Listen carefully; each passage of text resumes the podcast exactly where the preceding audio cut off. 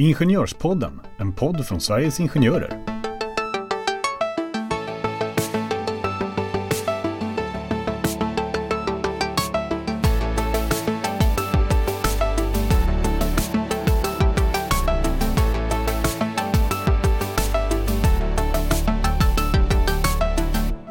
Nu är det snart juletider och det kommer vara en eh, mycket speciell jul här nu under pandemin. Vi i Ingenjörspodden tänkte reda lite i både semesterlagen och se vad den säger om ledighet och sen eh, ha lite tankar här om ledighet i samband med pandemin och eh, lite annat smått och gott som hör därtill. Ni lyssnar på Ingenjörspodden med mig, Jenny Rosenbaum och min kära kollega Stina Kimstrand. Vi kickar igång det här avsnittet helt enkelt. Varmt välkomna!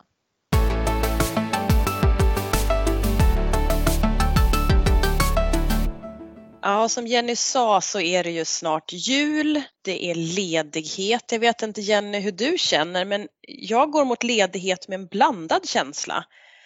Å ena Ja. sidan känner jag, åh vad skönt att vara ledig. Jag älskar att vara ledig. Det finns så mycket roligt jag kan göra. Och så mitt i det kommer jag på, nej vänta, det är inte så mycket jag kan göra.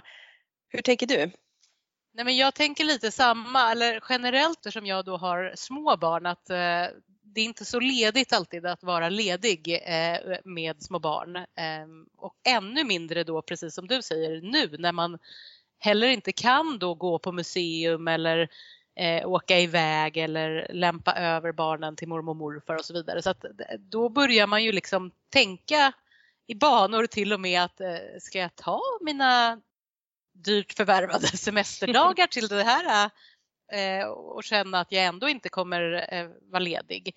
Och då började ju du och jag prata om det här och vi tänker att ni där ute som lyssnar tänker kanske också i de här banorna. Att, eh, nu har man massa semester kanske och man ska ta ut det eh, eller ska man ta ut det och vill man ta ut det och ja, Mm. lite så. Sådana tankar har ju vi haft. Ja men precis. Därför att vanligtvis så, så är det ju ganska enkelt att säga att semesterlagen det är en skyddslagstiftning, den syftar till att du ska få rekreation, tid för vila och återhämtning. Och nu är det så speciella tider att man kanske känner men jag får ju ingen återhämtning om jag är hemma. Eller jag skulle hellre spara eh, Eh, mina semesterdagar att använda till ett annat tillfälle. Och lite kan man väl säga att, att de flesta av oss jobbar ju på kontor där man sällan stänger ner helt och hållet utan där kan man ju välja om man bara vill vara ledig de röda dagarna och eventuella eh, andra arbetsfria dagar som man har på arbetsplatsen. Men det är just den där återhämtningsbiten som ställs lite grann på sin spets. Att om jag pratar för egen del så jag har ju jobbat från mitt hem sen i mars. Du har gjort likadant Jenny. Mm. Och mitt hem ska både vara ett hem där jag sitter och läser böcker, är ledig, är med mina barn och min familj och samtidigt så är det här jag utför hela mitt arbete och det är den gränsdragningen som blir så speciell när vi närmar oss ledighetsperioder. Ja men precis och eh, alla som sitter och jobbar hemma har ju lite olika förutsättningar. Du sitter i din källare så du Mhm. kanske mer kan stänga liksom dörren lite. Jag sitter vid ett, ett matbord som i och för sig är, är ganska stort då men i varje helg försöker jag liksom på fredag eftermiddag plocka bort den här stora skärmen och, och gömma är svårt för det, för det kan man inte göra med den. Men jag plockar bort den så att det ska kunna bli ett matbord igen. Men det Mm. finns ju många som inte har eh, att man inte bor så stort kanske och att eh, det redan är väldigt grötigt med vad som just är arbetstid och fritid och då blir det ju inte kanske lättare nu bara för att julen kommer in här då utan snarare svårare att koppla av även fast man tar Mm. ut semester. Men Mm. jag, jag tänker också att det finns ju både från ett arbetsgivarperspektiv och ett arbetstagarperspektiv att det är ju till för vila och rekreation. Det är ju bra för både arbetsgivare och arbetstagare självfallet. Men det är ju också så att man inte kan spara hur mycket semester som helst. Dels då att man ska ha fyra veckors sammanhängande semesterledighet.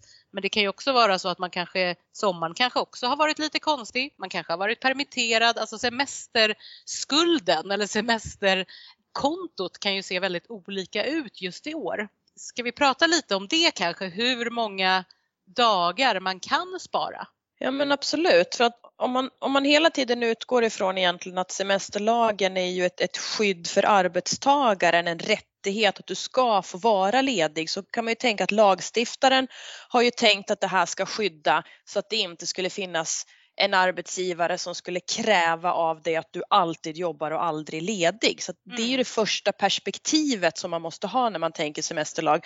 Och sen kan det ju, liksom vi som, som jobbar i tjänstemannayrken är ju vana att, att styra över vår arbetstid ganska mycket och våra arbetsuppgifter förstås inom liksom vår verksamhet och mm. med arbetsgivarens goda minne. Men det gör ju att vi kan ju också ha egna åsikter och synpunkter på när vi vill vara ledig. Vi har kommit en bit ifrån industrisemestern där man automatiskt bara hade fyra veckor under juli. Så att utifrån det så säger ju lagstiftningen ju att du kan spara fem dagar. Precis, så att då har då du de här semesterlagen.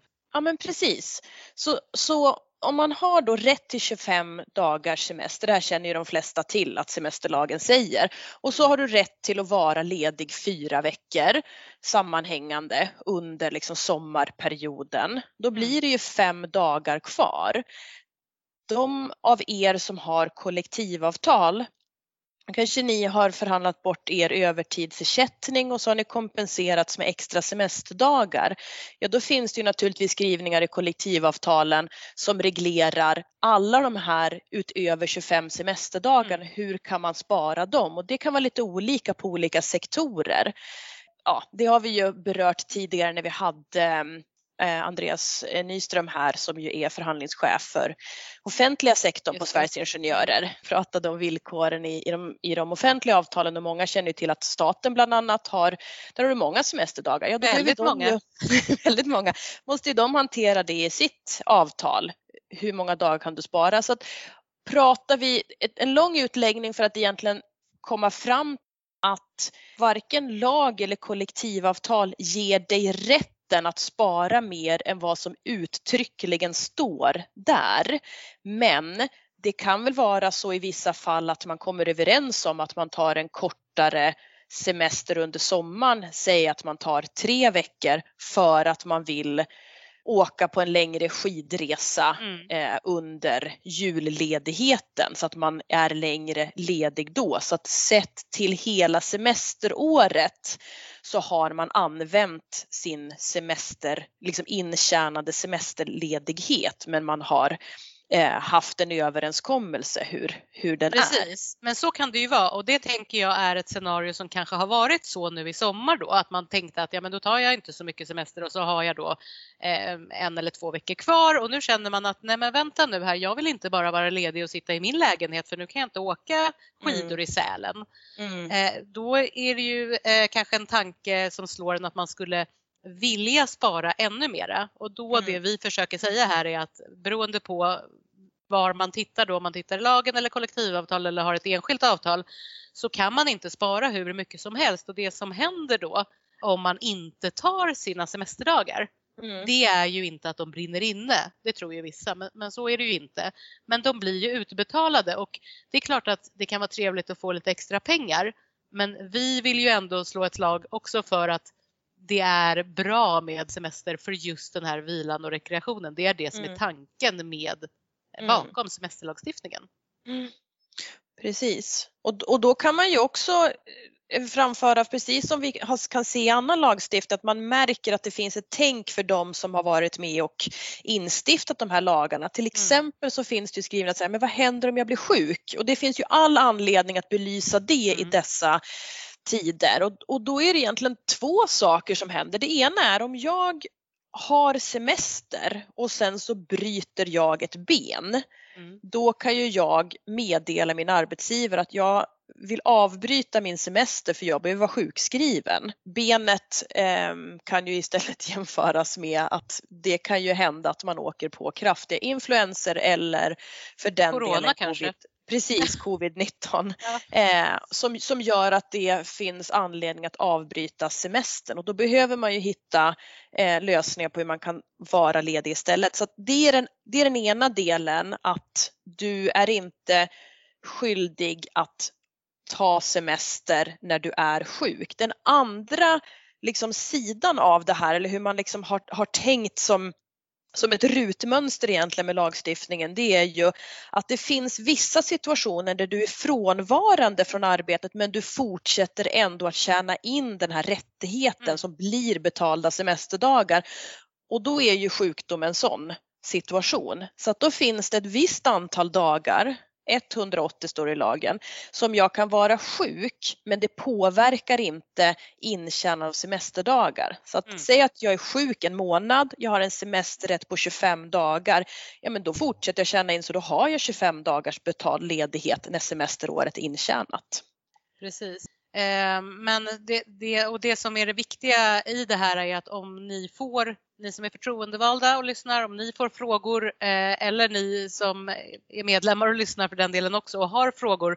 Är det så att man blir sjuk så kontaktar man sin arbetsgivare och eh, avsjukanmäler sig, kanske man inte säger det ordet, men ni förstår vad jag menar. Och eh, då blir det istället sjukdagar och semesterdagarna kommer heller inte brinna upp utan man får använda dem vid ett annat tillfälle helt enkelt. Mm. Mm. Men du, Jenny, du nämnde ju lite mm. grann att de inte brinner inne. Vad, det finns ju alla de här begreppen eh, som man använder, semesterersättning, semesterlön. Kan inte du mm. reda lite i vad är skillnaden? De blandas ofta ihop tycker jag. Ja men precis. Alltså eh, semesterlön då, det är ju den eh, lönen man får när man har semester. Oftast får man ju det kanske månaden efter. Det är då sin vanliga lön för den dagen, alltså en dagslön och sedan ett semestertillägg. Och det semestertillägget kan ju se eh, lite olika ut. Eh, I semesterlagen så är det 0,43 procent av månadslönen som blir då tillägget per dag. Eh, och i kollektivavtal kan det se annorlunda ut. Det finns eh, ett tillägg på 0,8 som eh, ni säkert har hört är ett väldigt vanligt tillägg men det kan finnas en mängd olika tillägg. Men, men semesterlön är alltså kan man säga eh, en dagslön plus det semestertillägg för den dagen. Semesterersättning, det är däremot om anställningen upphör innan arbetstagaren har fått den semesterlön som tjänats in. Då ska man istället få semesterersättning och det ska man få senast en månad efter att anställningen har upphört. Så det är all den semester som man inte har tagit ut men ändå tjänat in. Och det kan ju regleras eh, hur mycket det är antingen i semesterlagen eller i respektive kollektivavtal. Eh, så det är skillnaden på just semesterlön och semesterersättning. Så antingen eh, semesterlön under tiden man är anställd, semesterersättning när anställningen har upphört. Glöm inte det. Ja, precis, glöm aldrig det. Det är livsviktigt. Ja, men för jag tänker eh, så här att, att nu har ju vi pratat om vad både lag och kollektivavtal reglerar men, men du och jag Jenny har ju stött på i medlemsärenden att vi har kontakt med individer som kan liksom ha byggt upp sparade semesterkonton på liksom över 100-150 dagar. Mm. Eh, och, och, det, finns, det väcker ju förstås som en facklig... Dels undrar man ju om man aldrig har haft semester, alltså om man bara jobbar på, jobbar på, jobbar på.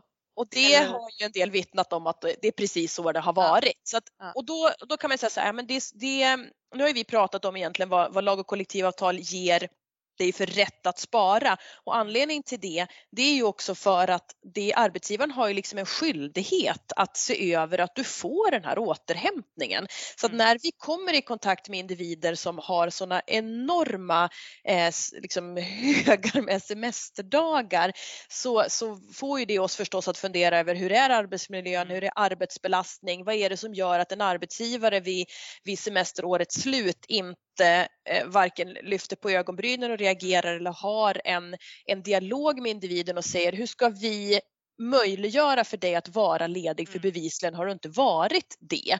Så att mm. där det förekommer och det är liksom med, med arbetsgivarens goda minne att man eh, inte inte tar sitt ansvar för Precis. att en person ska få vara ledig. Och vi vet att det finns många som älskar sitt jobb och kan jobba dygnet runt. Vi kommer inte hålla långsiktigt och mm. här här behöver det liksom tas om hand om på ett annat sätt för det slutar ju inte sällan med att det kan finnas faktiskt eh, att det blir tvist om ersättning. Ja, precis. För att det, när arbetsgivaren sen upptäcker att nej men, oj, nu har vi jättestor semesterskuld här till den här anställde och sen kanske den här anställde också funderar på att sluta, då blir det ju väldigt, väldigt mycket pengar som ska betalas ut.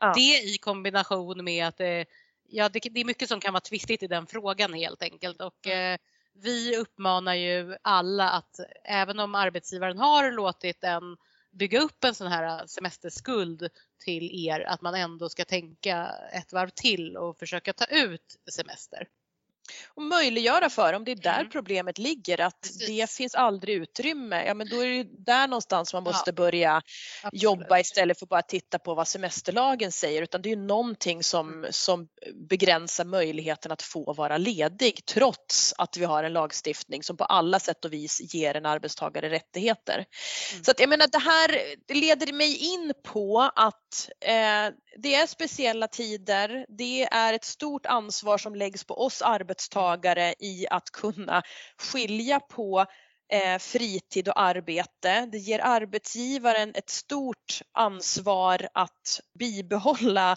sitt arbetsmiljöansvar trots att de anställda inte sitter inne på ett kontor för de av er som likt Jenny och, och jag själv jobbar hemifrån. Ehm, att, att hitta den här balansen eh, för att vi ska orka, för att vi ska hålla och för att vi ska fortfarande känna att det, det är en kul och inspirerande vardag vi har. För att om sanningen ska fram Jenny, det är lite tufft nu när mörkret Det är väldigt, väldigt mörkt nu faktiskt. Vi pratade om det här innan jag och Stina, att nu, är det, nu, får vi, nu får vi kämpa på alla eh, vi som lyssnar på Ingenjörspodden och alla andra också för den delen. Därför att nu är det, nu är det mörkt och det är tungt och då eh, avslutningsvis så är det väl extra viktigt att försöka eh, ta semester och försöka ha semester på riktigt. Plocka bort skärmarna och era papyrus som ligger utspridda eh, över hela ert hem kanske eh, och bara värma en kopp glögg. Ja, men jag tycker att det är jättehärligt. Jag tycker att ditt, ditt som du berättar att du gör på fredagar, det är väl ett jättebra medskick att mm. städa undan din arbetsstation så gott det går efter dina förutsättningar när vi går mot lite lediga dagar oavsett om du bara kommer vara ledig julafton, juldagen och de, de arbetsfria dagarna eller kommer ha en längre tid. Att vara utifrån det som ditt hem möjliggör och den arbetsstation du har vi kan försöka att åtminstone mm. inte gå rakt in i vad som vanligtvis är vårt kontor och Precis. sippa på den där alkoholfria glöggen. Ja. ja. men absolut. Ja, nej men det får bli våra avslutningsord tycker jag Stina här mm. inför mm. julen som stundar och eh, jag önskar dig Stina, det är så tråkigt att inte vi ses IRL, men jag önskar dig eh, en god jul och gott nytt år och jag önskar alla ni som lyssnar detsamma. Och så kommer vi höras nästa år. Det tycker jag låter toppen. God jul till alla. Ta hand om er. Hej på er!